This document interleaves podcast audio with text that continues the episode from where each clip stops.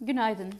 Mavi'nin geçen senenin düşük baz etkisini ve Mayıs, Haziran, Temmuz aylarını içeren ikinci çeyrek finansallarına göre cirosu yıllık bazda %100 artışla 1078 milyon TL, FABÖ %226 artışla 263 milyon TL ve net karı 99 milyon TL olarak açıklanmıştır.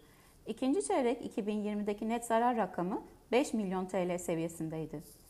Satışlar, FAVÖK ve net kar piyasa beklentilerinin sırasıyla %20, %37 ve %77 oranlarında aşmıştır. Konsolide gelirler ve FAVÖK, Covid öncesi ikinci çeyrek 2019 seviyelerinin de %56 ve %60 üzerindedir. İkinci çeyrek 2021'de Türkiye kaynaklı satışlar yıllık bazda %98 artmış, yurt dışı satışlar %114 büyüme kaydetmiş ve konsolide satış artışı %100 olmuştur. FAVÖK marjı ikinci çeyrek 2020'deki %15'ten %24.4'e yükselmiştir.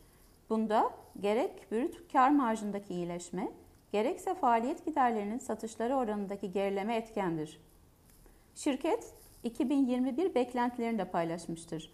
Buna göre 2021 için konsolide gelir büyümesi öngörüsü %70 ila %75 bandında, UFRS 16 etkilerini içeren FAVÖK marjı beklentisi %20 ile 20,5 bandında ve yatırım harcaması satışlar oranı beklentisi ise %3,5'tur.